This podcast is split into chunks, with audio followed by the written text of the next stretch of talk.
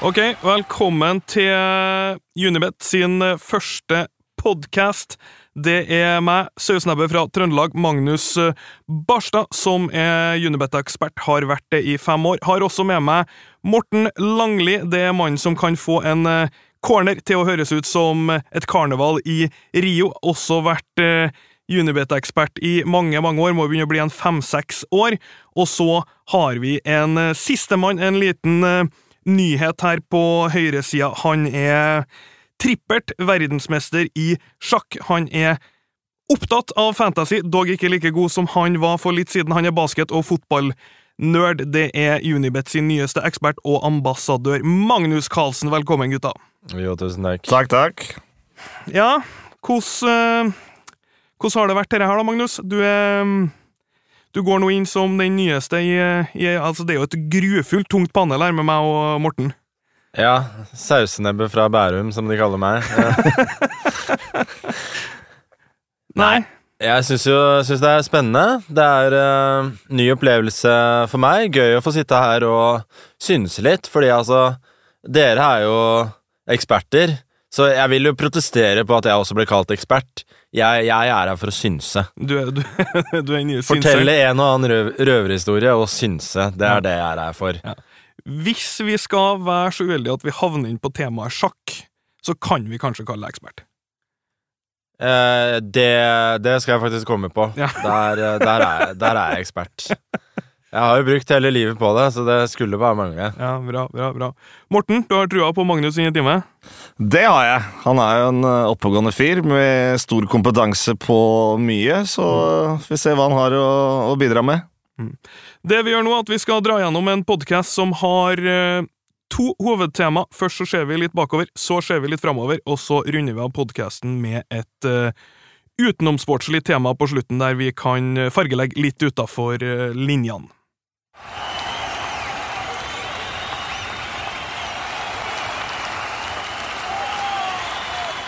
Ok, uh, hovedtema én. Vi skal se litt på ting som har skjedd i det siste. Det her kommer jo til å være en uh, podkast med hovedfokus på fotball, men vi kan også dette innom eh, litt andre events og uh, noen andre sporter også.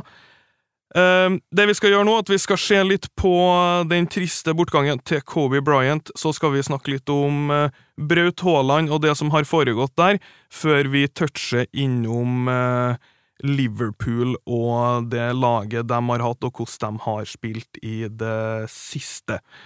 Uh, starte med Kobe Bryant. Der er jo uh, meg og Magnus er jo uh, veldig interessert i basketball og har fulgt uh, karrieren til Kobe fra uh, start til slutt. Magnus, har du noe umiddelbare tanker rundt det som er en, en grufull tragedie av dimensjoner? Nei, det er jo Det er uvirkelig. virkelig. Det er jo det hovedgreia man tar med seg, i hvert fall for min del. Altså, det kan jo Det kan jo ikke stemme. Nei. nei Og det, og det er jo Altså, det at det er så mange andre involvert, gjør jo dette til en tragedie av, av dimensjoner. Mm. At en kjent person som har opplevd så fantastisk mye i livet, går bort for tidlig, er en tragedie i seg selv. Men at det er så mange andre som, som Og da unge mennesker som, som blir revet vekk, er jo helt eh, Ja, helt, helt uvirkelig. Og, og meningsløst. Ja, det er helt, eh, eh, helt grufullt. For dem som ikke har fått det med seg, så det er altså uh, basketballegenden, Lakers-spiller eh, Kobe Bryant i en helikopterulykke med åtte andre personer, deriblant dattera hans på 13 år. Um, kan jo ta For min del så har jeg Altså, jeg fikk min første basketdrakt i 1997. Det var Michael Jordan. Eh, starta å spille basket, ble fryktelig interessert. Neste drakten jeg får, eh, to år etterpå, det er Kobe Bryant. Og eh, derifra og ut har jeg på en måte fulgt den steg for steg. Altså, han, han var for meg et sånn type menneske, et sånn supermenneske, som det har ikke falt meg inn at sånne folk kan dø engang. Eh, fantastisk basketballspiller. En Men altså, på én måte også. eh, Altså, han er, han er 18 ganger Allstar, han er fem ganger NBA-mester, han er to ganger olympisk mester. Han er en av de beste som har gjort det noensinne, men på en annen måte så er han faktisk kanskje, til og med før han døde, nå en større legende enn hva han er spiller, altså en kulthelt, en, en, en, en, spi, en spiller som så mange identifiserte seg så sinnssykt sterkt med. Den generasjons klart mest populære spiller. Um, det, er jo helt Altså, siste kampen hans så skårte fyren 60 poeng. det er det drøyeste jeg har sett. Jeg, jeg vet at det her blir litt sånn uh, Det blir kanskje litt uh, usammenhengende, men det er, det, er, det er vanskelig å beskrive hva Kobe betydde for eh, For basketball, hva han betydde for Hva han har betydd for meg, hva han har betydd for alle sammen som er sinnssykt interessert i sporten. Altså, jeg må, jeg må si for min del Jeg er nok en av de mange som havnet så til de grader da på feil side av av historien med å sitte og skulle sitte oppe og jeg, jeg, skulle se, jeg skulle se Golden State mot Memphis. Jeg skulle se 73 seire skje. Og sånn sett i ettertid så var jo Jeg var jo Jeg begynte jo som deg eh, å holde med, med Boston, ikke sant. Altså, Kobe var jo alltid Han var jo fienden, på en måte. Du, Ja, du så på han som et supermenneske. Ja. Ja. Det var liksom sånn Du forakta ham og hadde Og altså Og på en måte Hva, hva, hva er ordet jeg leter etter her? Du, du, du foraktet ham, men du hadde så respekt for ham samtidig, da. Ja, Eh, han, han var noe helt En æresfrykt som ingen andre Ingen andre hadde. Uh, og da skulle jeg gjerne ha sett den, eh, den, den siste kampen. Vi fikk jo heldigvis da i hvert fall se ham uh, spille live Ja, ja. Uh, mot, uh, mot Boston, da. Passende nok. Og vi var jo fornøyd. Altså, Boston vant, og Kobe viste egentlig alt han er uh, Han var god for, da. Selv i en alder av nesten 35 år. Ja, fy. Uh, Han hadde en sånn derre shoulder shrug nede på sida før han tok et sånn motsatt fade, altså et ba, sånn ba, hoppskudd bakover, et fadeaway-skudd, som det heter i basketball. Ja. Som var Altså, det var, det var så tight, det var så klasse, det gikk så sykt fort.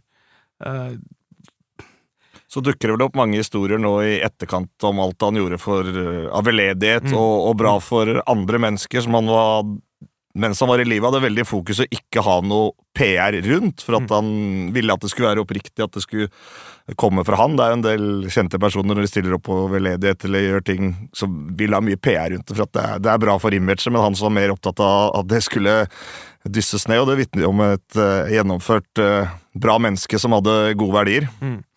Eh, altså, du får historiene altså Det kommer så mange historier om hvor bra han var, hvor, hvor stor han var, og sånn her. Og det, er, det, viser, det viser to sider av Kobe. Det viser eh, sida av familiefaren, hvor dedikert han var til samfunnet og, og den biten. Og så er det andre som kommer fram, det er bare de sinnssyke historiene om eh, arbeidsmoralen hans, work ethicen. Altså, vi snakker, vi snakker fyren som eh, jeg, så- jeg så en historie om at han De hadde spilt mot eh, Det var Dwayne Wade som sa de hadde spilt mot Miami Heat når det var LeBron og, og, og Dwayne Wade i det superlaget. Så hadde Dwayne Wade feila hver gang han skulle skyte, slått den her sånn, ikke sant, på albuen. Feila han litt hele tida, så han har bomma. Og istedenfor å klage på at 'å, herregud, han blir feila hver gang', så hadde han gått ut etter kampen, tatt på seg treningsutstyret igjen, tatt med seg trenerne til Lakers, stått der til klokka tre på natta, og de har bare stått og skulle feile han hver gang han skyter. Da skulle han øve på det, for det skuddet skulle han sette. Og samtidig så hadde uh, mediateamet til Heat kommet til da LeBron og uh, Dwayne Wade og sagt sånn dere, Kobe er midt ut på banen deres her nå klokka tolv på kvelden, og han slutter ikke å skyte. Dere må og de bare sånn, ok, vi skal, og, vi skal ned og vise at han kan ikke outwork oss liksom i vår arena, han kan ikke jobbe hardere enn oss her, selv om han har tapt kampen. Så de går ut og trener, og de hadde trent til klokka to, og til slutt så var det sånn, nå må vi bare fære hjem, Kobe står her fortsatt. Og det er mye sånne artige historier som, eh, som, eh, som kommer fram. Fantastisk mentalitet. Jeg, jeg, jeg, kan bare si én ting, da. Jeg, jeg var jo også så han en annen gang mot, uh, mot Nix. Altså sånn uh, jeg husker det, så var han totalt suveren i første periode eh, og skårte 15 poeng.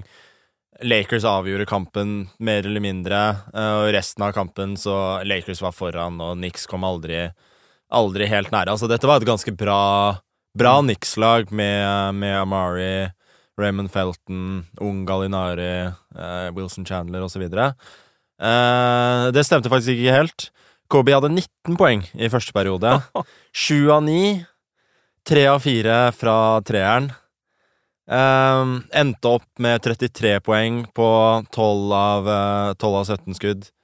Uh, 4 av 7 fra treeren. Så bare for, bare for å vise deg at han var uh, Han var ikke han, han trengte ikke å være volume scorer uh, for å få, få statsa sine. Uh, han hadde dager som det her, og det har jeg sett mange ganger på League Pass, hvor Altså, han, han går ut, han viser klasse i eh, perioder og bare avgjør egentlig, egentlig kampen, og Har den følelsen for momentum, og Ja. når han kan drepe kampen, som Nett, er nettopp, så, voldsomt. som, er, eh, som er helt enorm. Eh, og du, du, du bare du, du merker at han vet det, de andre vet det. Mm. Og det er jo Det var jo selvfølgelig litt senere i, i karrieren, da. Kanskje Kobe tidligere ville jo bare Ja, jeg skal gå I hvert fall i perioder så skulle han jo eh, skåre 40 pluss hver kamp, men eh, han kunne også være den andre, andre siden. Også den kampen vi så, altså han, han ble kritisert etterpå. eh, For, for, ikke å ha sentra nok. for å ikke ha sentra nok. Han hadde vel 27 poeng, ganske efficient. eh, 60 er bra. seks- 60% Men vi, altså, vi så kampen. Mm. Kobe Kobe gjorde riktig spillene. Altså, han sentra ut til, til hjørnet da han ble double, double og triple-teama. Mm. Det var bare at Altså, vi, vi greide jo, bortsett fra Kobe, eh, Dwight, Steve Nash altså, det, ble, det var allerede vanskelig å huske hvem som var på Lakers. Det, Altså- var, det var en obskur roster, for å si det på den måten. Det var sånn, altså, det var ikke hans feil da, at Nei. folk ikke traff de, uh, traff de treerne. Hva, hva, mer, hva mer kan du gjøre der, da? Nei. ehm, Sett pris på at vi har fått sett Kobe live, og um, er helt sikker på at legacyen hans kommer til å leve videre inn i, i den ytterste evigheten, sjøl om det her er noe Ja, altså, jo til, han kommer jo bare til å bli større av det her. Ja. Han var jo allerede større enn på en måte sine meritter. Han, han var jo Hvis du sammenligner karrieren til Kobe og Tim Duncan, for eksempel, så er det sånn at det er en seriøs diskusjon om hvem som var best av de to. Mm. Men hvis du spør folk om hvem som var størst, Ja, det så er jo ja, Kobe. Kobe Ja, er større enn LeBron. Ja. Er, Kobe er, kommer aldri til å være bedre spiller enn LeBron, men han er fortsatt en større person da enn Ja, minst like stor, i hvert fall. En, Ja, nei, minst like stor, i hvert fall. Ja, det blir, blir ikke noe mindre nå. Uh, Hvil i fred, og uh, nå skal vi gå over på litt mer uh, Litt mer lystig tema. Morten, vi legger ballen på bakken. Ja. Der er du litt mer, eh, litt mer på hjemmebane. Ja, jeg har sett litt basket, men jeg er ikke noe ekspert. Nei, du er jo fryktelig generelt sportsinteressert, så du um... Men noe må man vrake bort av det, så Ja. det som går midt på natta du hele tida sitter vel og ser litt hockey òg. Ja, altså, Hvis jeg er i USA, eller den tidssona, så prøver jeg jo å få med meg alt. Og elsker å gå på amerikansk sport og liker stemningen og hele konseptet rundt osv. Men så lenge vi holder oss til europeisk tid, så, så er det vanskelig å få med seg alt. Ja, det er noen sinnssyke timer som skal til for å få, for å få sett nok eh, amerikansk eh, sport. Vi har en, eh, vi har en 19-åring i Dortmund um, som liksom starta altså Han kom på scenen med de fem skåringene mot Brann i fjor. Og Ja. så starter man med en gang sjøl å stille seg spørsmålet hvor bra er han egentlig? Hvor god kan han bli? Uh, derifra opp så har det jo vært en, en rakettutvikling. Eh, og nå da fem mål på to kamper, på, altså kamper fra benken på, på Dortmund. Hvilke tanker har du om, eh, om Brauten? Jeg kan jo ta fram tweeten min fra 22. april 2018, da. For da så jeg den jo live. Så skrev jeg på TV har jeg sett at Braut Haaland er klasse. Live på stadion syns det enda tidligere. Gode bevegelser, råsterk i kroppen, bra duellspill, fin touch, skråstrek, venstrefot. Tror han ender opp som farsin på A-landslaget og i Premier League. Så der traff jeg jo ganske bra. Det er ikke alltid man gjør det, men altså, det er noe ekstremt der, og det, det så man jo tidlig. Liksom, han kunne rive forsvaret i stykker i Molde, og så får han bedre medspillere. Han utvikler seg, og så bare tar han det opp på det neste steget hele veien. og hvor du kan stoppe nå. Så nå har han jo kommet ganske langt. da. Kanskje han får begynne å starte matcher for, for Dortmund. Det, det, det, er vel Da blir det jo, da blir det jo helt sykt. Det er vel, det er vel neste steg. Ja. Og er et fantastisk sted nå. Har vært gode med karriereutviklinga der. Det er så viktig i fotballen, det å ha riktige folk rundt seg som guider deg, og, og vite når du skal ta steget til riktig sted og på riktig tidspunkt. Altså Molde, Salzburg, Dortmund. Mm. Ikke, altså, har ikke hoppa over noen steg på veien til målet heller, da. Den, det, er jo, det, er jo, en fristelse, selvfølgelig, og, og, og så er det et spørsmål om det er rett å for eksempel da, hoppe rett til den største klubben som er interessert i deg, rett ut fra tippeligaen. Behøver ikke være like enkelt å få spilletid. Spilletid for, altså for meg så tenker jeg at spilletid er kanskje det viktigste i utvikling. Å være på, være på banen, få kamper under beltet, få skåringer, uh, kjenne på nivået på den måten, og ikke bare på trening. Ja, ha en bra kamparena, rett og mm. slett. Mm. Mm. Uh, et, et, en ting jeg tenker på litt mer, Braut, det er jo For øvrig syns jeg at man bare skal kalle brøt, for det er et helt sykt Og jeg kaller den bare brøt. jeg syns det er et helt overlegent uh, navn ja. på, på, den type spiller. Men altså, man tenker jo veldig fort på, og, og, og, ser jo at alle sammen, det første folk skriver om, er styrken, trøkket, størrelsen, altså at det er veldig mye fysisk det er snakk om.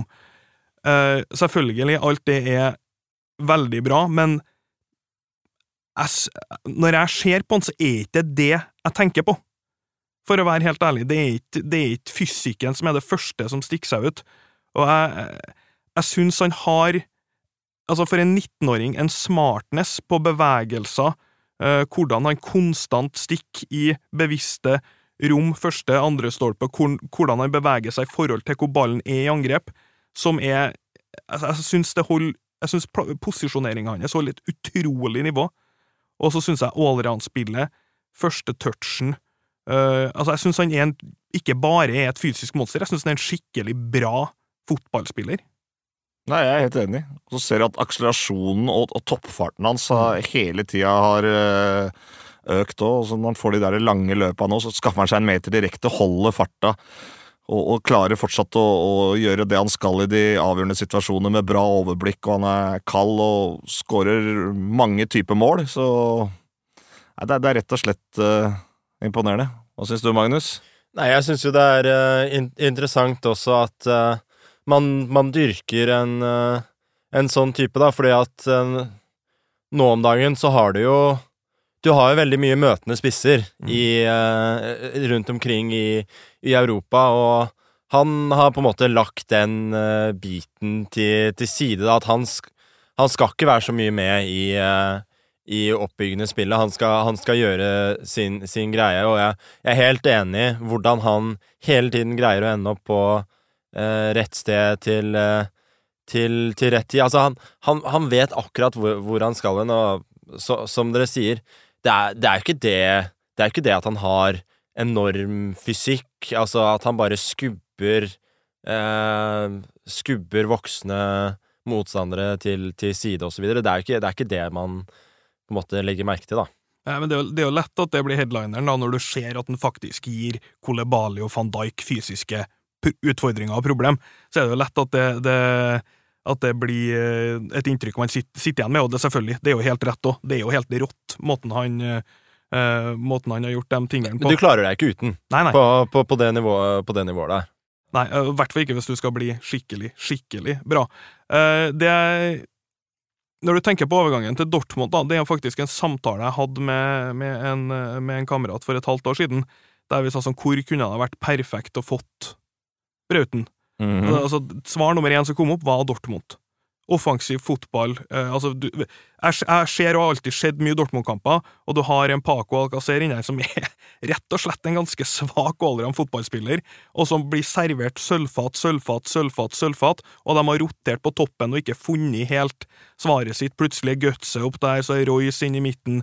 De har liksom ikke funnet svaret, og så Altså, det som du var inne på i sted, jeg hyller teamet hans for å har klart å på en måte Altså, det var sikkert mange, mange klubber på bordet.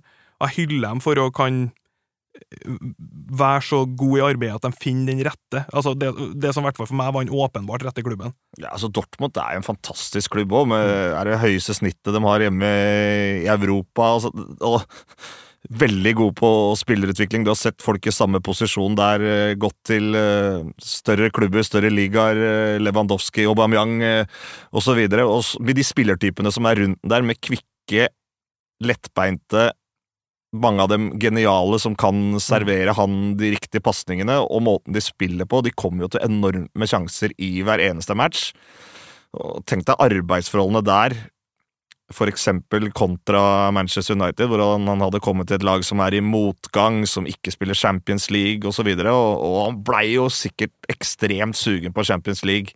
At det skulle fortsette etter jul, med den eh, suksessen han hadde tidlig i eh, sesongen. Liksom lukten der av å, å kunne bli toppskårer i hele turneringa. Han ville vel la den drømmen leve, og kanskje det var en medvirkende årsak til klubbvalget, det. Og nå får de to kamper mot PSG som jeg kan garantere ikke blir kjedelig, og gode sjanser for han til å komme på skåringslista i de to kampene, som jeg kan se blir en sånn 7-7-8-8 eller noe i den duren eh, over to Altså, kamper. det, Men altså, for å stille et veldig dumt spørsmål her Mm. eh, Har han lov til å spille? Ja, Ja, han har det. Det er endra regler. Ja, Det er endra reglene. Ja, ok. så det er- ja, men da, det er veldig- det er veldig bra. Det er Og det gjør jo det overgangsmarkedet nå som avsluttes i disse dager, litt mer interessant. Og Det for da det blir en sånn fyr som. Kavani også. Han blir jo interessant for, eh, for flere typer mm. type klubber. altså, Brauten har åtte på fire starta og to innhopp i Champions League. Eh, som du er inne på, altså Dortmund de spiller ikke forsvar. Altså Mats Hummels har vært en, på sitt beste en medium eh, defensiv stopper, fantastisk offensiv. Altså de, driver, de har ikke beskyttelse foran backrekka, og de spiller ikke forsvar. Backene er som vinger, og det er Hummels og og, og ja, Sagado, som er en unggutt ofte i, i, altså De slipper inn så mye mål, men de skaper så vanvittig mye sjanser. Eh, vi skal være mer inn på CL etterpå eh, i det neste segmentet, men eh, den matchupen, den, det blir så artig, det. Det blir som en håndballkamp omtrent. så angriper mot Eller så kontringer i håndball. Kontring på kontring angriper mot eh, et forsvar i ubalanse begge lag annenhver gang, så Bare det går så fort at ingen trenger å komme med det forbaska passivt uh, Tegnet der. i løpet av uh, tida. Jeg vil bare si også en ting, da. At ting tyder jo veldig på at Haaland har valgt riktig klubb her. Mm. Men vi kan jo samtidig Vi kan jo ikke vite Altså, alle store klubber i Europa ville ha ham. hadde han vært på blokka. Eh, Hadde han vært på blokka. Eh, så det kan jo hende at han Altså, han hadde vært en hit hvor som helst, egentlig, på, på dette tidspunktet. Det er bare at akkurat en klubb som, som Dortmund, som, som dere sier ehm, De har jo ikke De spiller ikke forsvar. Altså, de, de, de har ikke det i DNA-et sitt i det hele tatt. Mm. Og offensivt så er jo ikke det Dortmund er jo faktisk ikke av de lagene som helt skaper mest i Europa, da, men det at de har så fantastisk talentfulle offensive spillere, gjør jo at de scorer veldig, veldig mye allikevel, da. Mm.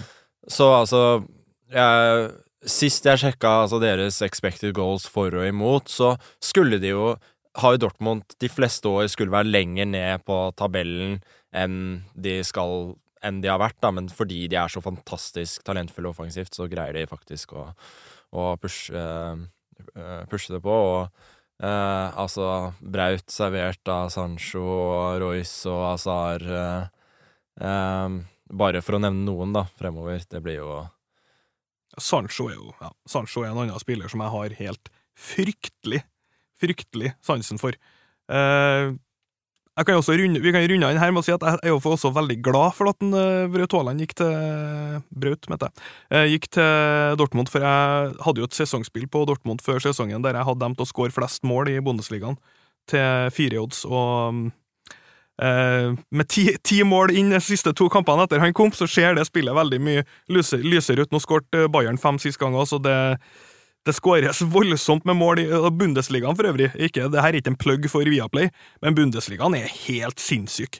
Det er voldsom spenning i topp. For en, for en, eh, for en, eh, for en sesong Bundesligaen har i år. Ja, og, altså, Leipzig det blir, det blir spennende å se dem i, i Champions League også, for altså, Leipzig er legit et ordentlig bra lag. Altså, det er De er De har vist Det de har vist den, så langt denne sesongen, er europeisk eh, toppklasse.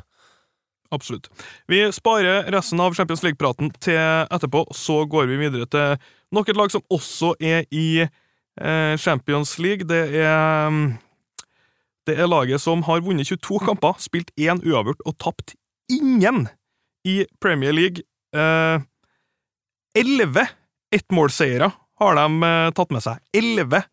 Det er helt tullete. Altså 11 av 23 er ettmålseiere. Likevel står de med 54-15 i målforskjell, 67 poeng.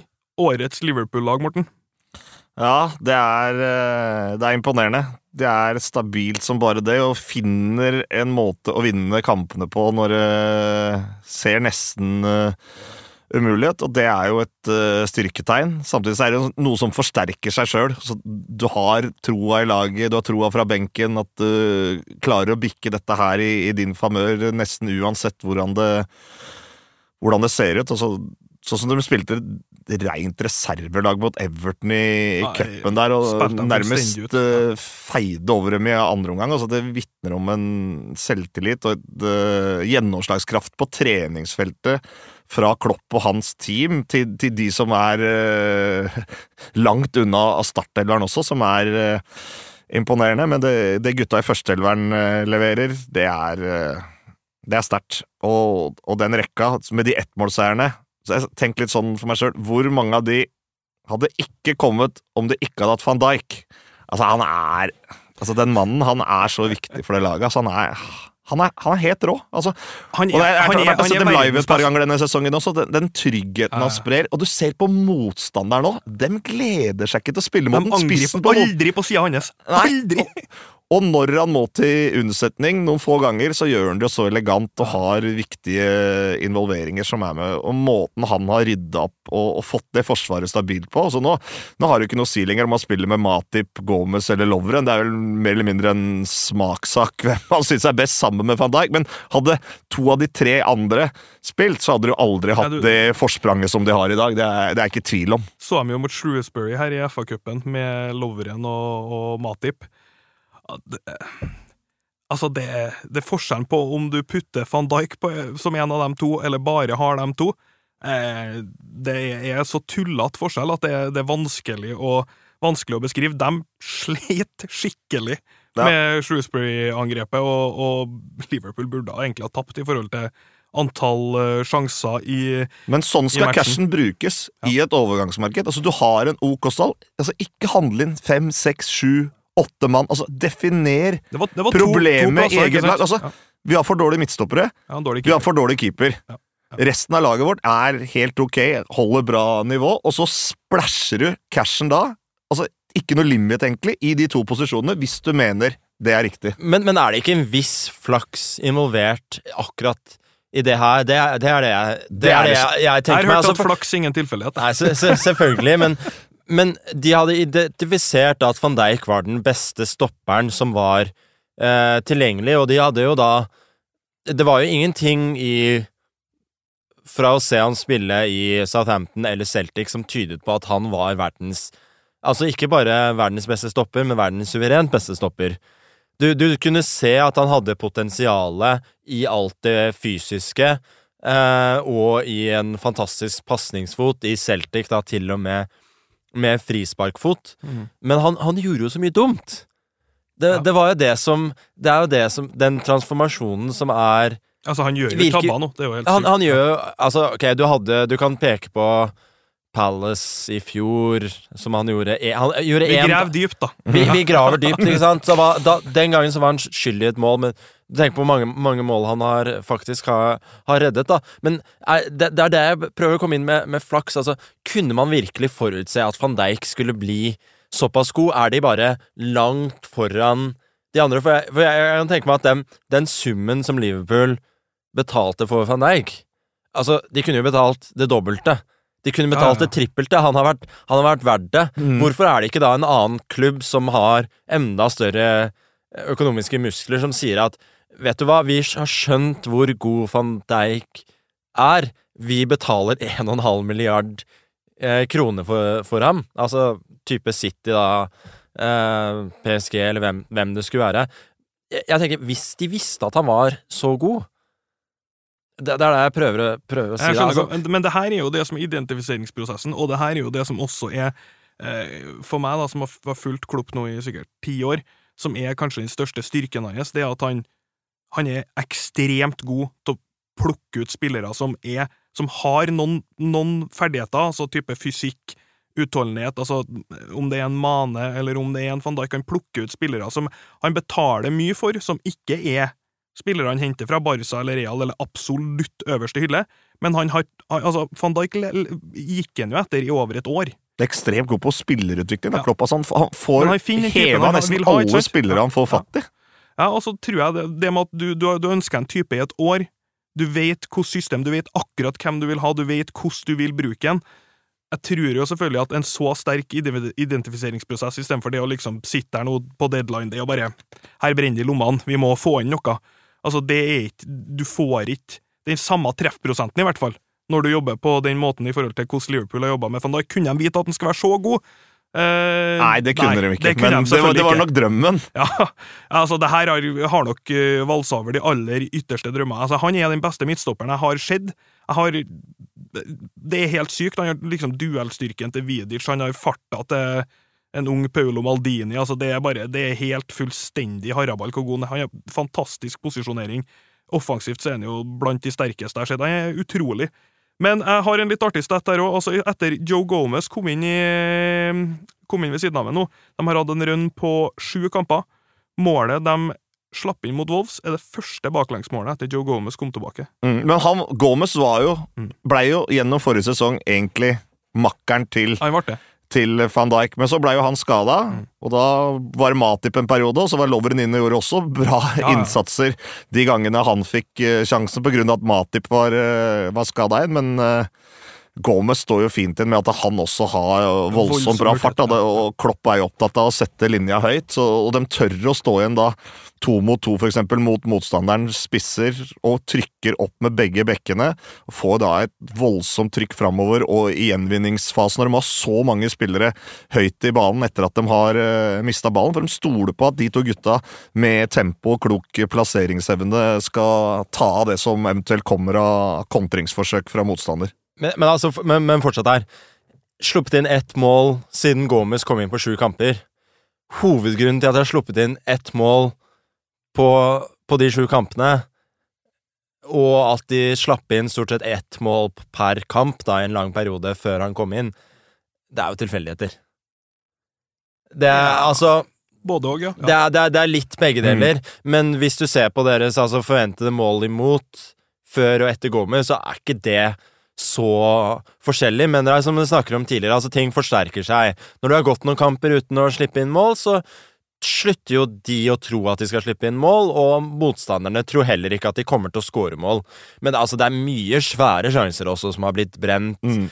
Det har noe med Alison å, å gjøre, noe med Ja, at Han er drøy, altså. noe med at uh, van Dijk ofte kommer inn og akkurat greier å forstyrre folk nok til at de bommer på svære sjanser, men jeg vil si altså Her er det en del til, tilfeldigheter, tilfeldigheter også, og det at Liverpool har vunnet uh, så mange kamper med ett mål, det er liksom Det er fortsatt Du snakker uh, Du snakker både og. Uh, du, du snakker jo kamper som Palace tidligere i sesongen, hvor de egentlig slet hele, hele kampen. fikk ett da ett mål Palace fikk et mål annullert tidlig, og ja, Jeg husker ikke hvem det var, det var Firmino som skårte skårte, skårte et sent mål etter, etter at det var noe klabb og babb i, i feltet, etter at Palace hadde utligna. Så det er jo du, du, du finner jo mange sånne tilfeller av at mot, mot Leicester altså, Ok, den kampen dominerte de totalt, men Ja. fortsatt at uh, de fikk den straffen helt på, helt på slutten. Sånn Du kan ikke forvente at det skjer hver, hver gang, men nå har det jo vært en sånn sesong der hvor de har vært fantastisk gode, og i tillegg da har hatt den flyten som, som trengs, og da blir Altså, alt, alt skal jo gå rett for at du er 22-1-0 i, i, i boka. Det, altså Selv Barca på sitt beste var ikke så gode at du kan forvente å vinne 22 av 23 kamper. Så altså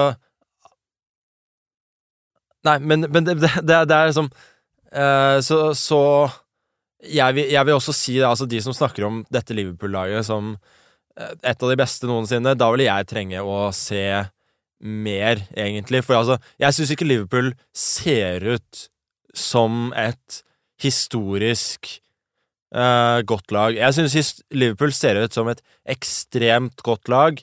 Det beste i Europa akkurat nå. Men grunnen til at de er ja, 16 poeng, eller hva det er, foran, foran i ligaen, nå har vunnet 22 av 23 kamper, det er Det er mye tilfeldigheter inne i bildet også, da.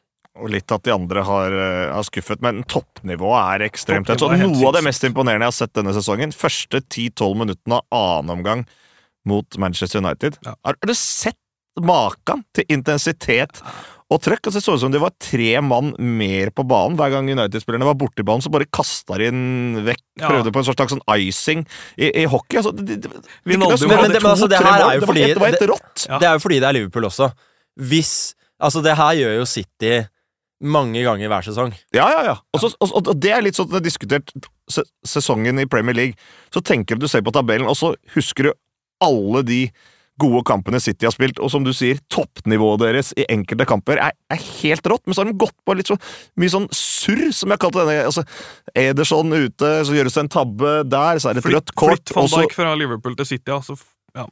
Det, er, Ja. det, er noen sånn, det, er, det er noen forsvarsgreier der som jeg For selvfølgelig toppnivået på ditt og laget, og det generelle nivået også på Liverpool og Manchester City denne sesongen her. Da skulle kanskje tabellen sett ut mer som man gjorde sist sesong, hvor det var veldig jevnt mellom de, mens i år så er det litt tilfeldigheter, som du er inne på, gjort at gapet har blitt helt ekstremt stort i forhold til nivå på de lagene. Jeg var live og så den matchen mellom eh, Liverpool og Manchester eh, City, og så vant jo også Liverpool uforholdsmessig stort i den kampen. Da satt jeg med sånn inntrykk og prata med fotballfolk etterpå. Så det er, noe av det beste jeg har sett live av begge lag. Ja.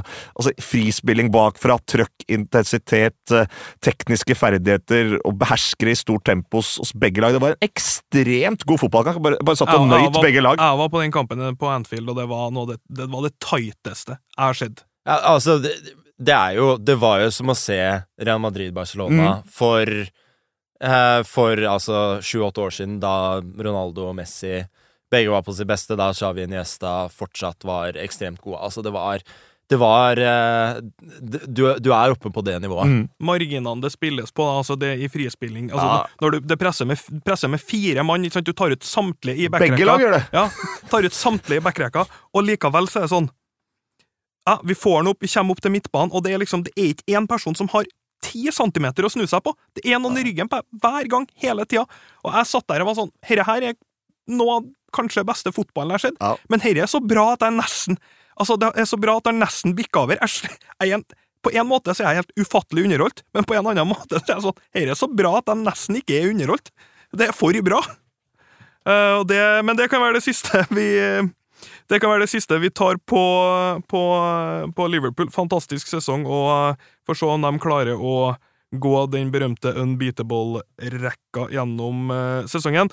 Neste del så skal vi eh, se litt på neste runde i Premier League, runde 25, og så skal vi ta en liten Champions League-prat, for det starter snart opp igjen.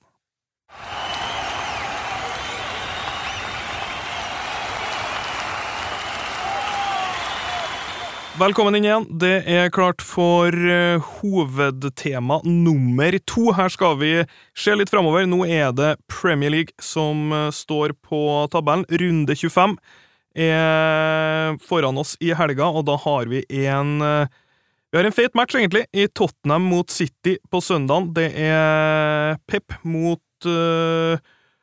José Mourinho, der Altså, det er faktisk den eh, Jeg, jeg sjekka litt, det er faktisk den eh, managerduellen eh, Pep har hatt oftest i sin eh, karriere.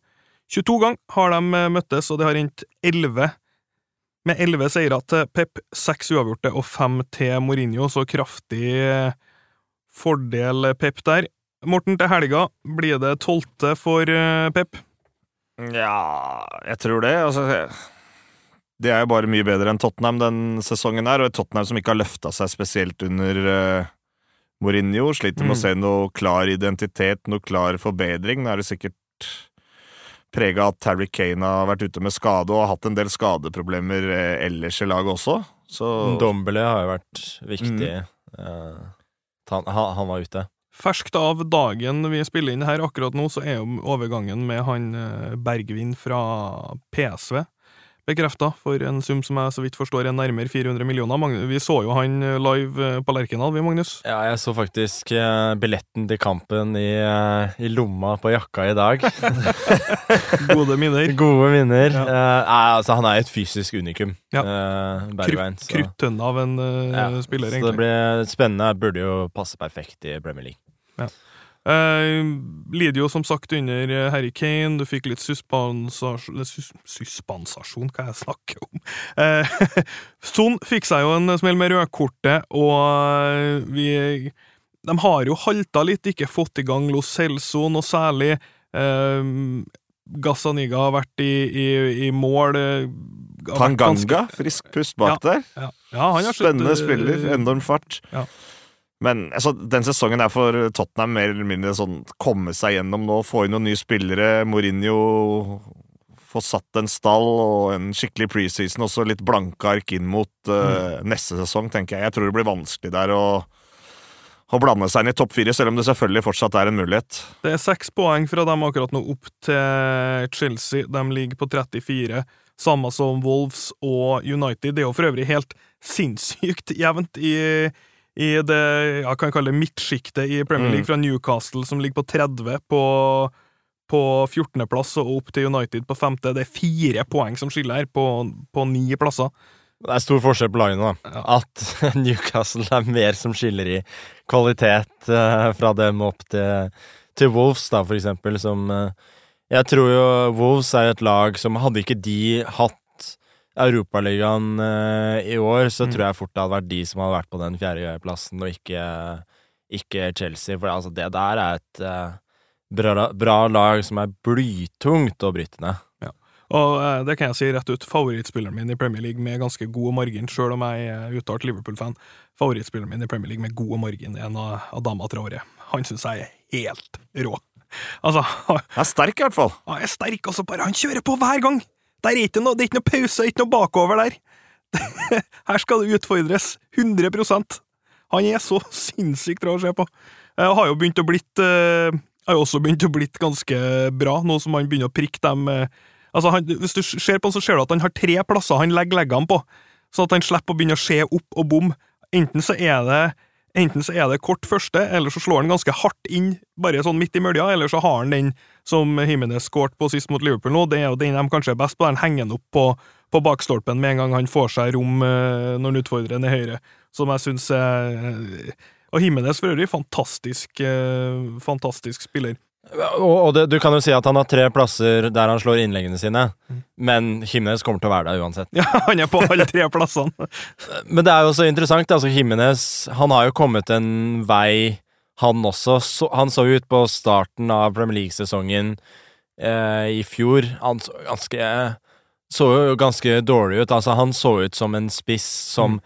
veldig sjelden skårte Skårte mål, glimrende i opp, oppbyggende spillet, bra, bra targetman, vinner duellene sine. Så kommer han inn i boksen, og det låser seg, og nå ser han ut som en verdensklasseavslutter eh, i stedet. Så mm. det er imponerende. Han er jo en, eh, Hvis du har lyst til å spille med en, en, altså, med en sånn så veldig klar én mann på topp, eh, så ser han jo nå ut som en av de virkelig få liksom, skikkelig komplette spillerne som er gode i, god i alle fasene der du trenger å være god skal ikke se bort ifra, og Nå har jo Wolves bra med penger, men skal ikke se bort ifra at uh, han kommer til å bli en uh, jakta mann til sommeren, vil jeg tro. Uh, ser også på at vi har et uh, Arsenal som ligger på en tiendeplass med 30 poeng.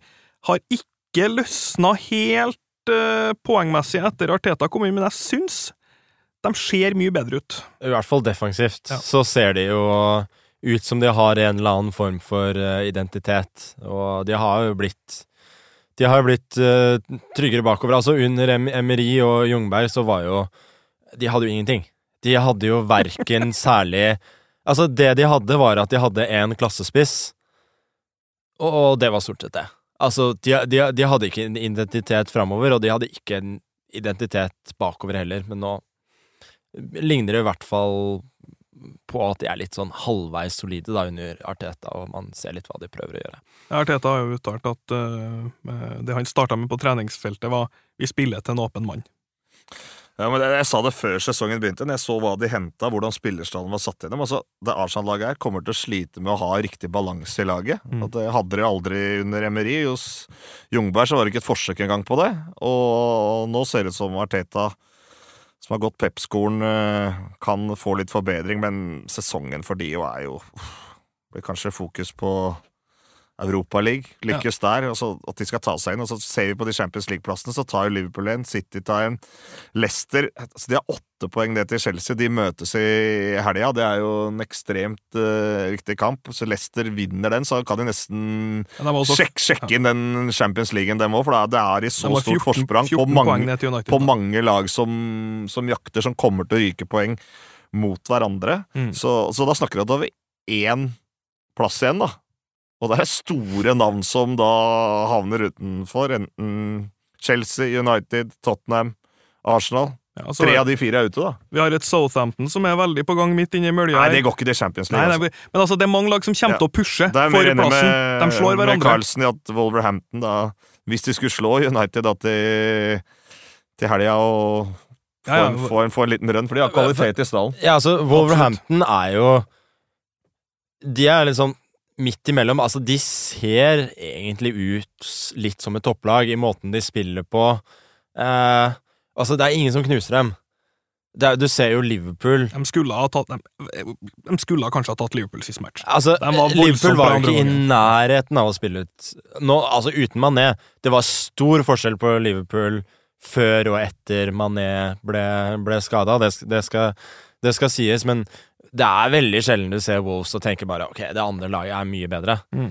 Uh, nå greier de jo stort sett ikke å, å, spille ut noe andre lag heller, da, men de, de, de, ser bra ut. Og jeg tror altså neste sesong for dem så kommer de til å være en seriøs kandidat til, til topp fire. Litt som du så Du så jo Nå fikk jo jeg uh, uh, Følte jeg fikk en liten insight i fjor, da, at jeg hørte tilfeldigvis fra Peter Schmeichel i mai i fjor at han sa at uh, Leicester blir et sted nummer mellom nummer tre og nummer seks i år. Mm. Ikke snakk om at de kommer lenger ned. Så da tenkte jeg jo uh, uh, Ja, skulle ønske jeg kunne satt penger på det her. men jeg, jeg føler det litt sånn med, med Wolves neste år, da, at jeg har veldig tro på at de skal, skal ja, nei, det, det, er stall, det er stallbredde og Europa, og at han ikke er, er nå er blitt for glad i å rotere for mye. Men uh, at kvaliteten er her, er jeg 100, 100 uh, enig i. Uh, mens vi er på Champions League, så kan vi egentlig bare gå videre til det. Det er ja, drøye to, to og en halv uke til Altfor lenge. Ja, det er altfor lenge. Den Champions League-pausen er altfor lenge. Og når de skal innse at de kan begynne å splitte opp de kampene her litt ja, De har jo nå begynt å sende på to forskjellige tidspunkt, som er fryktelig deilig for oss som seere, men det ikke gjør, nei, gjør de ikke i sluttspillet, så da må vi sitte her igjen, da. Og sitte og se Dortmund mot PSG og Atletico Liverpool samtidig, som er helt håpløst, men um, Sånn er det. Vi, eh, vi ser på åttendelsfinaler, som er som sagt da Dortmund PSG. Vi har Atletico Liverpool. Vi har Atalanta mot Valencia. Tottenham mot uh, Leipzig, Napoli, Barcelona. Chelsea mot uh, Bayern, og så er det Real mot City, Lyon mot Juve. Det, det, er et, det er et sterkt felt, Morten. Fantastisk meny, og det er kanskje mer åpent enn noen gang hvem som skal ta den uh tittelen her. Det er, eh, det er deilige matcher, rett og slett. Borussia Dortmund PSG har vært innom. Lukter målfest. Atletico Madrid, Liverpool. Lukter ikke målfest. Nei, men uh, et Atletico Madrid som, som sliter litt. Da Tottenham mot Leipzig, et Leipzig som uh, er sterke i Bundesliga, mot et mm. Tottenham som sliter i, i, Premier League, som hadde et kjemperønn i, i, samme turnering sist sesong, og med CL-ekspert ja, Mourinho. hvem, er favoritt der? Altså, jeg Leipzig 55-45. Altså Mm. min utregning, men uh, det, det, det kan hende. Plutselig er Harry Kane tilbake, så setter du det annerledes. Eller en skade Leipzig. Altså det, det er jevnt. Atalanta og Valencia. Eh, Folk tenker kanskje at det er en sildekamp mot Atalanta. plutselig skårer de fem mål, plutselig skårer de sju mål. Ja, og så har 7-0 Torino i du Valencia. Slår Barca i helga, gjorde de ikke? Jo, jo, begge lagene er i Det er- kapasitet til å ta store skalper, de to lagene der. Eh, Og så har du Napoli mot Barcelona. Napoli sliter. Den uh... Ja. Chelsea-Bayern. Holder Bayern som klare favoritter der. Lyon-Juventus. Juventus det samme. Og så har det Real Madrid-Manchester City. Og den gjorde jo for meg, da den som er en, er jo en ivrig eh, konspirasjonsteoretiker. Uh, den ødela litt av det. Du ville ikke at de skulle møtes? Nei, men Den ødela litt den varme balla-teorien. Du har jo liksom to Ja. lag som man eh, blir, blir veldig ofte beskyldt for å få litt lettere trekninger, og at, at eh, penger veksler hender og sånn, og Altså, at de trekker dem i en åttendels. Kom igjen, da. Si, for uh, altså siste CL-tittelen til Real Madrid Mm. Hvem var det de møtte? Altså PSG i åttendelsfinalen. Bayern uh, Nei, sorry, Juventus i kvarten. Bayern i Ja, vi semien. ikke-. Vi skal ikke begynne å snakke om den Bayern-kampen, hvis vi skal men snakke altså, om hvis at penger veksler hender, eh, veksler hender, i hvert fall. For det var, det var grisete. Men ser da, Altså, du, du skal ha året før da at Bayern ble, ble bortdømt. Det, det innrømmer jeg glatt, men akkurat, Ja, i, før. Det ja. akkurat i 2018 så, så går jeg ikke med på det. Nei, greit. Året før. Jeg- Men se, vinneren av Tottenham-Leipzig trekker vinneren av Atalanta-Valencia, da. Da er det et av de laga i semien. Jeg syns det er helt ok om, eh, om Leipzig kommer til, til, til semien, men eh, jeg håper ikke Jeg håper ikke Tottenham kommer, eh, kommer langt. Jeg syns det var eh, ufortjent i, i fjor, og Nei, det jeg har ikke noe Jeg var også, jeg så en ganske kjedelig finale, for jeg tror det er litt jevnere enn folk og oddsetterne kanskje tror. Altså at det er verdi i høyoddsene her. Når du så liksom Kanskje Ajax var det beste laget. Sist sesong var ikke regna med av noen, egentlig, når vi dro inn på den fasen som vi, vi kommer inn i her nå. Så ja, Jeg, jeg, Leipzig, jeg, var, jo- jeg var jo så dem, eh, så dem hjemme mot, eh, mot eh, Real Madrid, eh, og de var jo Ja, de var utrolig imponerende. Ja. Men fortsatt da å ta steget til at de faktisk skulle vinne på Bernabeu, det er jo, du tror jo ikke det. Å, herregud, det var artig! Faen, nå gleder jeg meg til Champions League her! Nei, det var ikke artig. Det var, det, det var artig, det var mye artig fotballkamp, ass. Ja, Fytti katta. fantastisk. Når det kommer til den delen her av sesongen, og du har hatt den pausen Mm. som bygger opp litt, overgangsvindu, flere av laga har bytta trener Ja.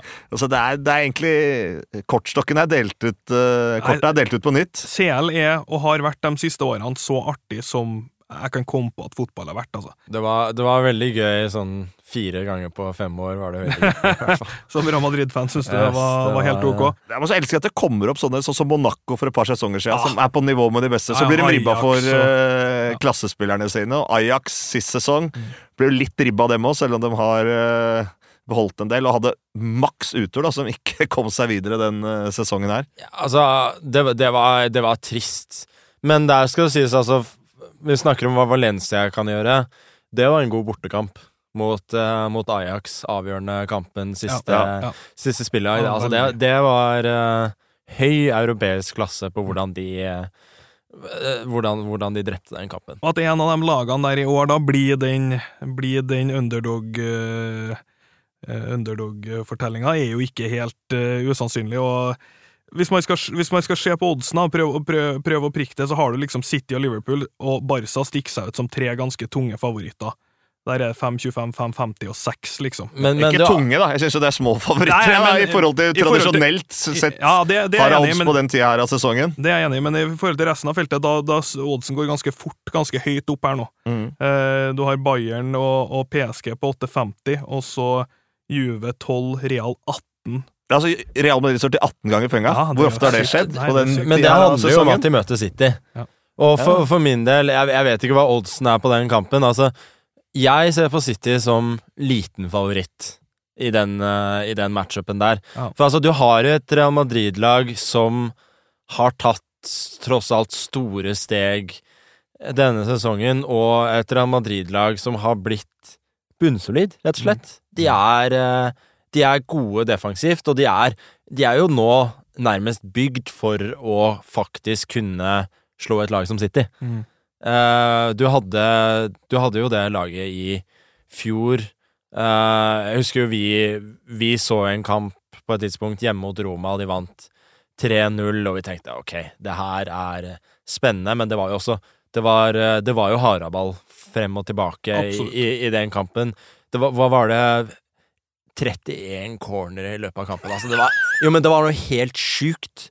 Du husker det? Altså, det, det, var, det, var noe, men det, det, sier litt om hvordan, hvordan, Overspillskamp, som vi bruker å si. hvordan, de, hvordan, de, hvordan de spilte. Altså, nå er det Nå er det mer, mer solid, og selvfølgelig er City favoritter. Altså, dette Real Madrid-laget mangler jo De mangler jo litt spisskompetanse fremover på banen, men Nei, men de har det på benken. Det er, Det er- det er, det er, jo noe med klubben og vinner-DNA, og så, uh, og så er, det, er det absolutt noe med det at de, de har et lag nå som kanskje føles litt ut som det er bygd for denne type, type match, matchups. Jeg syns den kampen er drit Altså, det, den, den matchupen syns jeg er dritvanskelig å forutse. Eh, For meg føles den nesten 50-50. Men jeg syns at markedet er riktig ut der nå, da, med Liverpool og City som favoritter. Som Liverpool sannsynligvis har avgjort ligaen, og, og, Liverpool, og City som kan cruise inn til en annen plass. Kan ha maks fokus på de Champions League-kampene, mens de uh, sist sesong uh, kjempa med nebb og klør i ligaen hver uh, eneste match. Og det er jo flere av de hardeste konkurrentene der som må gjøre også, i og med at det er tett i toppstriden i, i flere av de andre ligaene, da, bortsett fra PSG, vel, som kommer til å Ja. cruise hjem. Så må jo både italienske, spanske og tyske laga her eh, De være jobb- på G i ligaen, sånn som det ser ut der i øyeblikket. Ja, og, det, og der er jo kanskje Der har du jo også det som kanskje taler litt for at Akkurat sånn som du ser det nå, så ser det jo helt utenkelig ut at Barca skulle vinne CL. Altså, de ser så dårlige ut akkurat mm. nå. Men de har Messi, og du kan se for deg nå fremover at de kan falle plutselig litt av i ligaen. De har jo vunnet ligaen de siste sesongene. Jeg tror ikke de er så interessert i det. Mens Real Madrid vil veldig gjerne vinne ligaen. For dem er det viktigere enn å, enn å vinne CL i år. Så eh, kanskje, det er noe, kanskje det er noe der, da. At Barca kanskje ikke er så sjanseløse som de, som de, virker, eh, som de virker akkurat nå. Fordi altså, jeg, jeg tror de er klare ganske snart for å at Hvile, hvile seg inn og hvile seg inn eh, litt i, ja, ja, ja. i, i ligaen. Ja.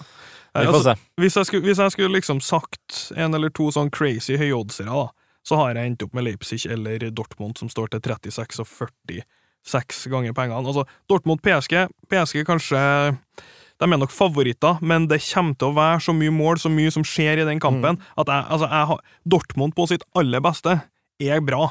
De Men, kan absolutt men føler, du, føler du ikke litt bare at PSG kan gjøre alt Dortmund kan, bare litt bedre? Nei, altså, PSG ser vi nesten hver helg. Det laget har klare svakheter òg, selv om de har ekstreme Men, men det er jo Så- definitivt Dortmund Dortmund Jeg er også. helt enig. Jeg er helt enig. Så det Så de, er, de, ligner jo vel, de ligner jo på hverandre, altså. Men det er jo ikke en sesong, det er to kamper, ikke sant? ja, to Det- kamper Ja, to kamper. Det, det er jo som du var inne på i sted, det blir jo tilfeldigheter her. Det blir jo Jeg skal jobbe med den første der, 18. 18. februar på Viasat. Ja, Det fy. gleder jeg meg ekstremt til. Det, det ble Ja, for det, altså, det, er, Haaland mot Neymar og Mbappé. Braut. det, er, det her er jo to lag som er direkte dårlige defensivt. Altså, det her er jo ikke Ja, ikke dårlig, vil jeg si, men altså, PSG sliter med balansen. Altså, for de har jo verdensklasse men men har jo- forsvarsspillere, sånn som Marquinhos og uh, Men- Thiago Silva. Det er ikke så lett Men du å få hadde jo Real Madrid i mange år også, som var Ja. De var elendige defensivt, bare fordi de har jo ikke balanse, Nei. og de har jo ikke press, rett og slett. Ender Marquinhos opp på midtbane i en sånn her kamp, eller tror jeg Ja, kanskje. I hvert fall kanskje kamp den første der. Men altså, skal du bruke De Maria, Icardi, Mbappé og Neymar samtidig, da? bare, jo Da må du ha noen på midten der, og kanskje ikke gå med begge bekkene samtidig, videre. Varatti og Marquinhos på midten, kanskje. Ja. Ja, for det dem, dem, eh, altså, dem, Guaye om han er skadefri igjen. Vi får se. De har litt å velge mellom. Jeg spiller jo en helt sinnssyk type, type fotball. Ja, Én ting er i hvert fall sikkert. Champions League, det blir um, jeg, jeg tør å love underholdning, faktisk. Uh, det, går hardt ut. Jeg går hardt ut og lover underholdning i, i, i CL. Vi skal pakke sammen det, og så går vi over til det siste segmentet vårt i podkasten, som er utenom sportslig.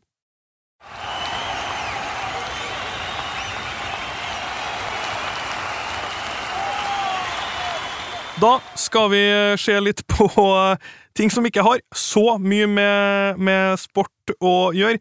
Eh, fint sagt så skal vi bli litt kjent med, med, med gutta boys i panelet her. Vi skal, vi skal bli litt personlig. Vi skal, vi skal la det komme litt bak, bak grensene. Jeg har satt opp eh, eh, tre forskjellige mm, ting vi skal gjennom her. Vi skal starte med historietid. Har du noensinne? Eh, altså, har du noensinne gjort?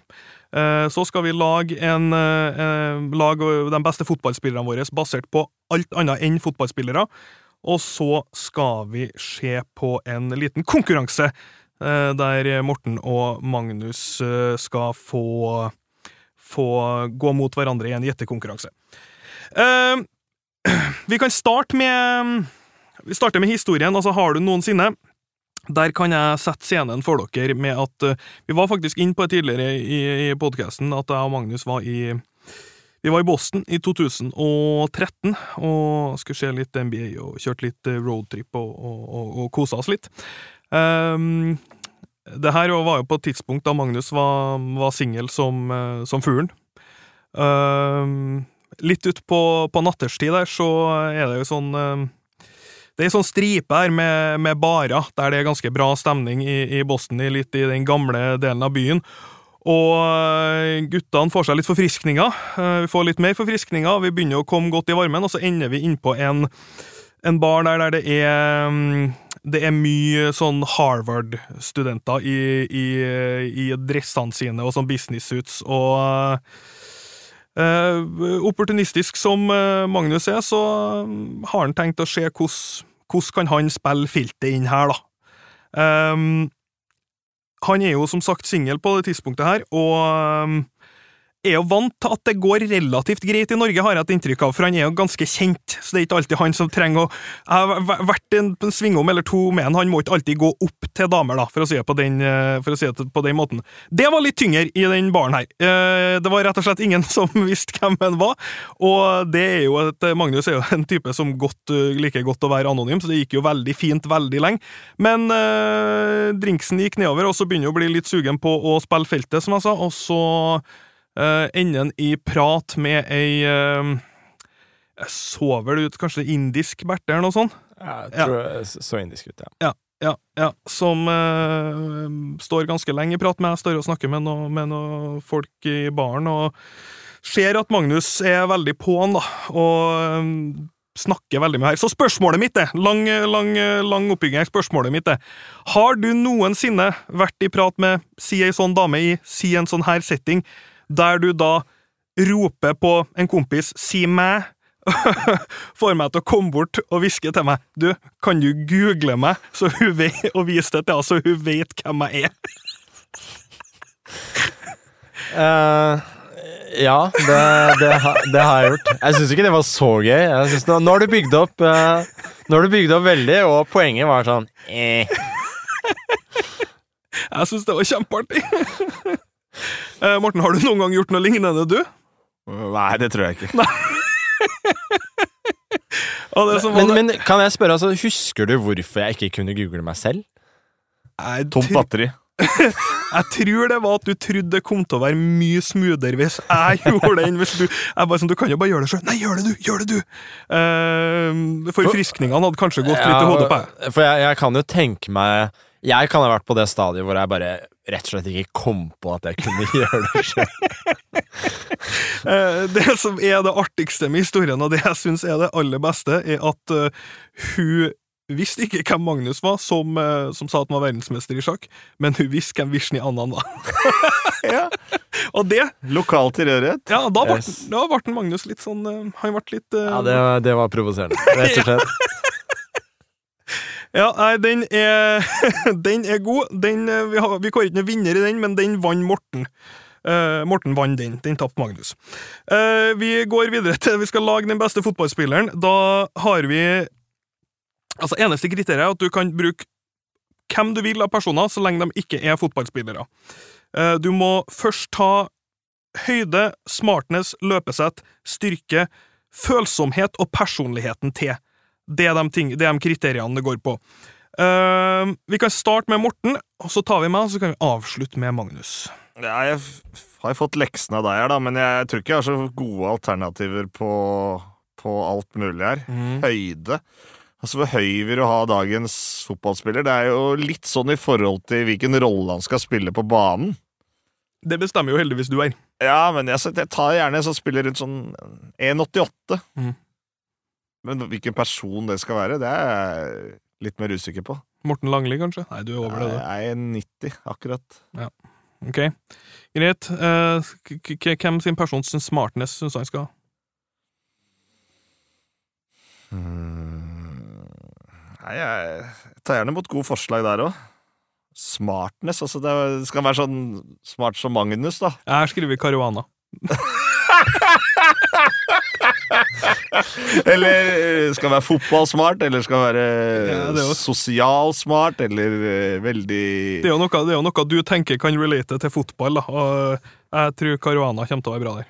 Ja, altså, veldig Altså, blikk for spillet er jo å spille intelligens. Caruana. Nei, det, er jo, det er jo viktig å se muligheter som ingen andre ser. Det er jo ekstremt viktig. Men jeg har erfart, både som spiller og trener, at det, du kan være smart, skolesmart, eller et men så kan du være stein dum når du er ute på en uh, fotballbane og ikke se noen ting. Husker jeg spurte foreldrene mine om den jeg var liten, for det var en gutt på skolen som jeg spilte sammen med som barnefotball, som var ekstremt god på skolen, mye bedre enn alle oss andre. Spurte jeg før, men hvorfor ser ikke han det samme når vi spiller fotball? Mm. At han skal spille ballen dit? Det, det sleit foreldrene mine med å, å svare på. Så smartness der syns jeg er vanskelig å definere. Jeg skjønte ikke eh, ti- ti- tid og rom. Altså, jeg, altså, mitt, eh, mitt andre forslag var Jeg hadde egentlig eh, skrevet Sander Sagosen, for jeg, nå har jeg sett litt håndball. Skjønner ikke så altfor mye håndball, men fytti altså, Han gjør det som virker som å være rett i hver posisjon, for eh, det jeg klarer å forstå, i hvert fall. Han ser ut som har bra blikk for spillet. Ja. Ja, Ser ut som har voldsomt blikk for spillet. Eh, er det noen som har et løpesett du Bolt. Fantastisk Ja, det er bra. steg. Og jeg har sett den spille fotball òg. Ja. Det sliter med å holde følge når den uh, får opp farta. Jeg så han spilte en sånn charity-kamp mot uh, noe sånn Benfica Allstar-lag. Uh, det var et fantastisk øyeblikk der. Eh, jeg husker ikke hva han heter, men jeg var høyrebacken til Benfica på 80, starten av 90-tallet. Eh, hadde noe, var nå en 75, litt, litt stottjukk med bart. Og det blir slått en ball i bakrom, og han på ren fotballrefleks ikke sant, snur seg og skal starte å dure etter den ballen, og så ser han bare Usain Bolt starte Ja. ved siden av en. Og, altså, han sprang fra han 40 meter på 5 meter, og han fyren bare stoppa og begynte å flire. Eh, refleksen slo inn, funka dårlig. Men ja, Så liker jeg å se på Team Ingebrigtsen. Jeg syns han mellomste broren kanskje er beste steget, da, uten at jeg er noe ekspert på det. Han Philip, enormt flyt å se han øh, danse bortover på tartandekket, men om det kan brukes på fotballbanen, er jeg litt ja, du har jo akkurat bygd en fotballspiller som er 1,88 høy. Så ja, du er kanskje inn på rett type løpesett for spillerne dine. Altså, det, er jo litt, eh, det er jo folk med litt lengde på. Ja. Eh, styrke. Anthony Joshua, det er lov å si? Ja, selvfølgelig er det lov å si. Det er helt er maskin. Jeg har sett noen dokumentarer og sånn om han, og det er, det er bra fysiske forutsetninger der for å drive toppidrett. Ja, veldig. Eh, følsomheten til Jeg veit ikke. Golfspiller, kanskje? da ja, Mitt svar var Tiger Woods, så jeg vil jo si at det det er et godt, det er, det er et godt svar. Og her snakker vi følsomhet, ikke sånn følelser. Du kan tolke det som altså Marvin Gaye, hvis det er dit du vil òg. ja. Jeg tror det kan hjelpe på banen. Ja, kan jo det. Personligheten, da. Hvem vil du ha personligheten til? Jeg syns denne quizen her var veldig vanskelig. altså. Ja, det var litt av poenget. Tar personligheten til Morten Langli, kanskje? Nei, det tror jeg ikke er noe spesielt bra. Her, her føler jeg sånn at elevene har i dette tilfellet gjort det veldig dårlig. Så nå foreslår jeg at vi bare tar læreren At læreren Ja. kan vise fram okay, okay, okay. hva, hvordan dette, her skal, hvordan dette her skal gjøres. For det er også det folk Altså Folk har ikke lyst til å høre på hva de dårlige elevene, de som var gode i fotball og dårlige på skolen, uh, hvordan de gjorde det. Greit, Greta, kan lettere å sette, sette sette, satt sammen en fotballspiller av andre fotballspillere. Ja, ja, det er jo selvfølgelig Men det hadde jo vært for lett. Ok. Jeg har, jeg har høyden til Petter Stordalen. Jeg vil ha en skikkelig sånn liten Sputnik. Er det fordi han he heter Stordalen? Nei, Jeg vil ha en liten sånn Sputnik, ikke sant, Messi-type. Så skal jeg ha smartnessen til Caruana, for han er den smarteste fyren jeg vet av. Uh, så skal han ha løpesettet til Tom Cruise.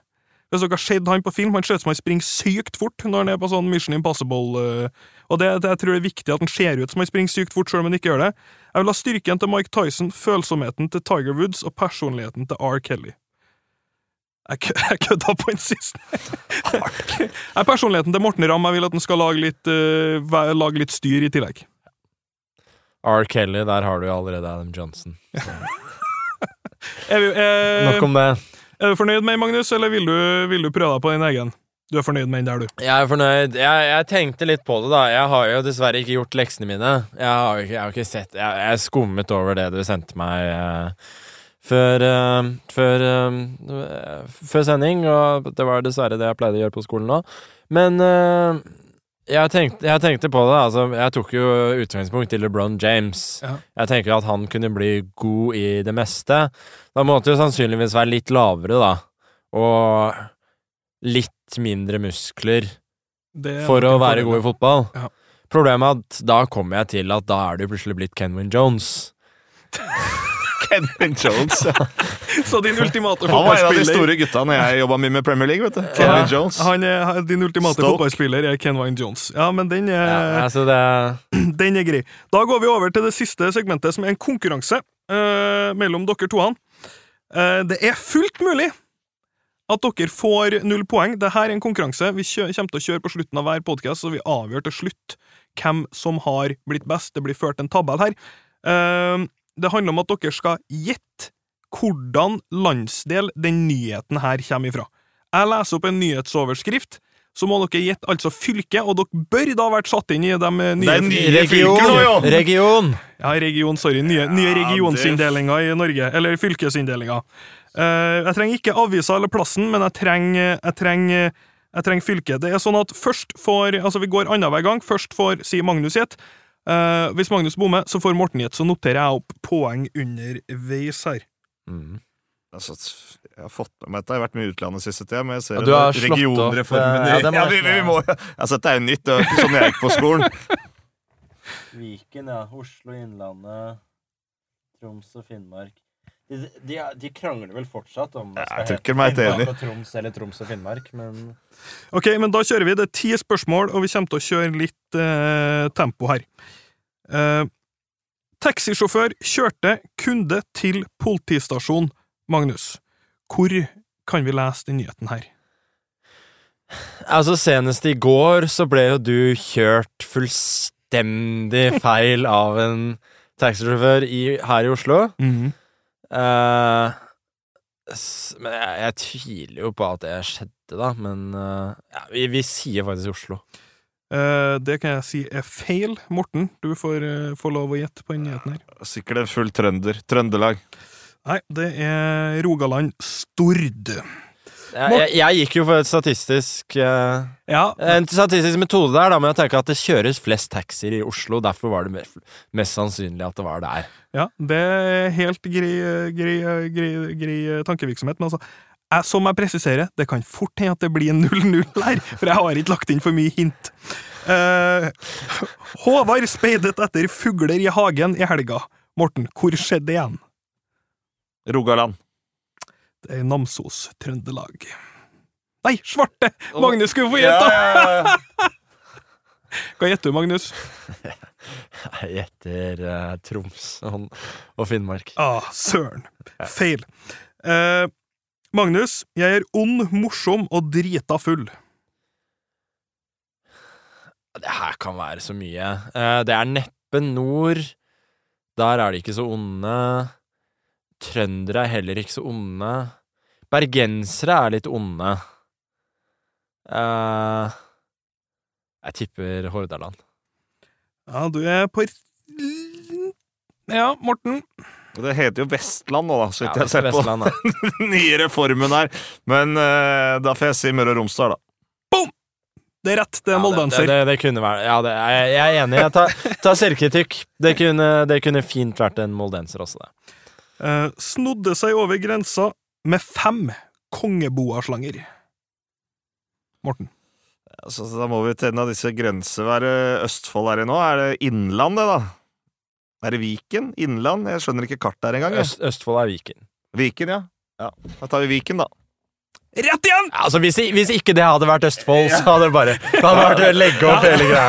Det hadde bare vært Ok. ehm, denne telefonkiosken får et helt nytt innhold. Ha, Finnes det fortsatt? Ja, det, det Nei, den får også et helt nytt innhold.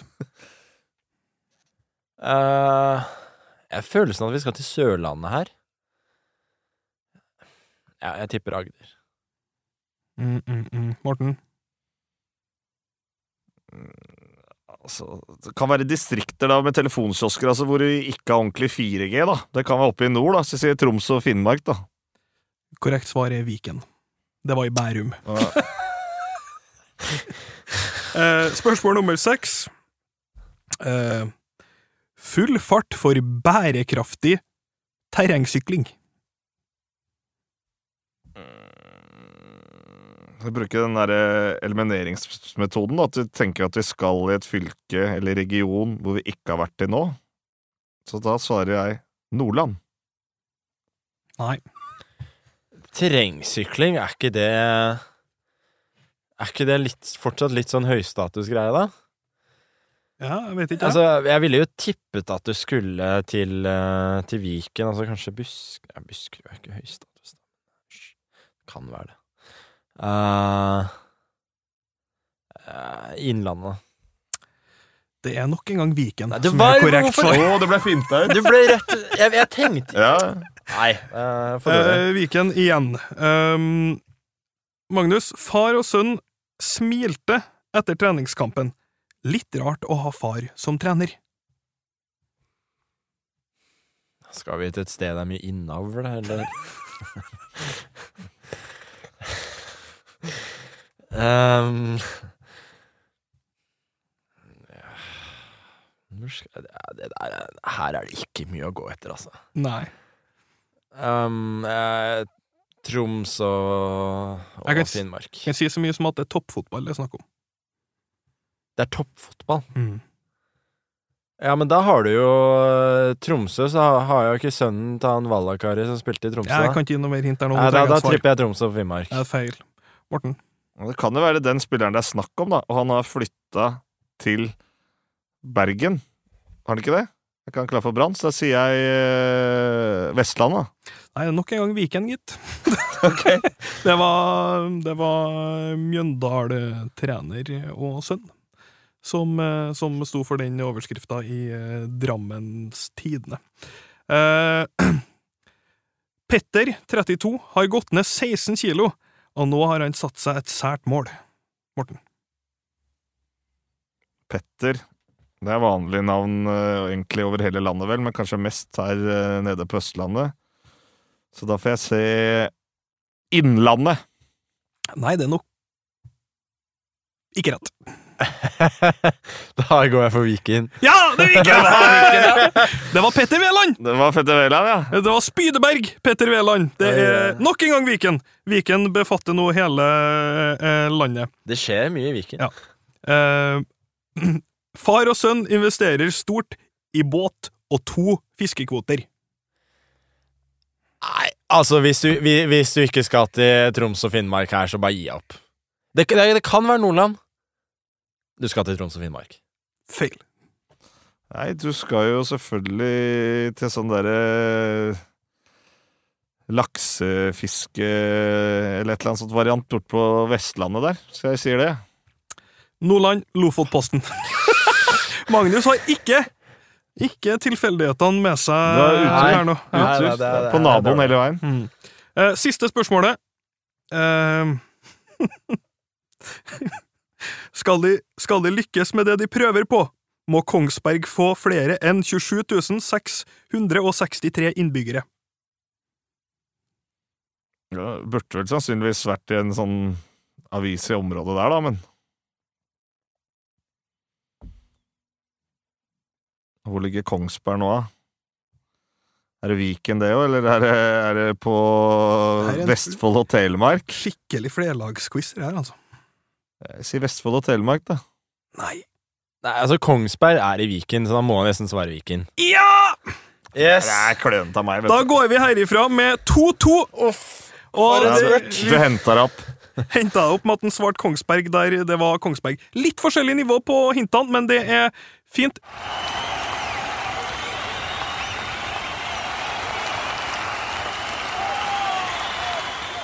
Som den nyeste i gruppa her, Magnus, så er det nok mange som lurer på hvorfor har du valgt å, å bli med oss eh, i Unibet-gjengen her? Altså, jeg mener jo også at flaks ikke er eh, noen tilfeldighet. Eh, kanskje litt tilfeldig noen ganger, men ikke over tid. Um, jeg syns det er veldig spennende da å bli med da en eh, partner som uh, står for veldig mye som jeg syns er bra, og jeg syns er uh, gøy, Mm. ikke minst. Mm. Uh, det har jo vært policyen min hele tida at hvis du driver med noe, så skal det være gøy. Mm. Og jeg snakka hele tiden med at jeg driver med sjakk fordi jeg syns det er gøy, og jeg har ikke gjort ting i stor grad hvis jeg ikke har tenkt at dette her blir, blir gøy. Og det her føler jeg en eh, partner som uh, Altså, Unibet er gøy, rett og slett. Og så, så, så da er jeg veldig fornøyd med å være, være om bord. Ja, for du er jo eh, eh, Skal du si, Måten vi ble kjent på, er jo at du er kanskje den eh, første og eneste jeg har møtt som matcher meg i interesse i både fotball og, og basketball. Du er du, du Jeg har kan- du mye kan- fritid. Ja, du, du kan vel betegnes som en, eh, som en sportsnerd, eller en eh, Ja, i hvert fall på fotball og basket.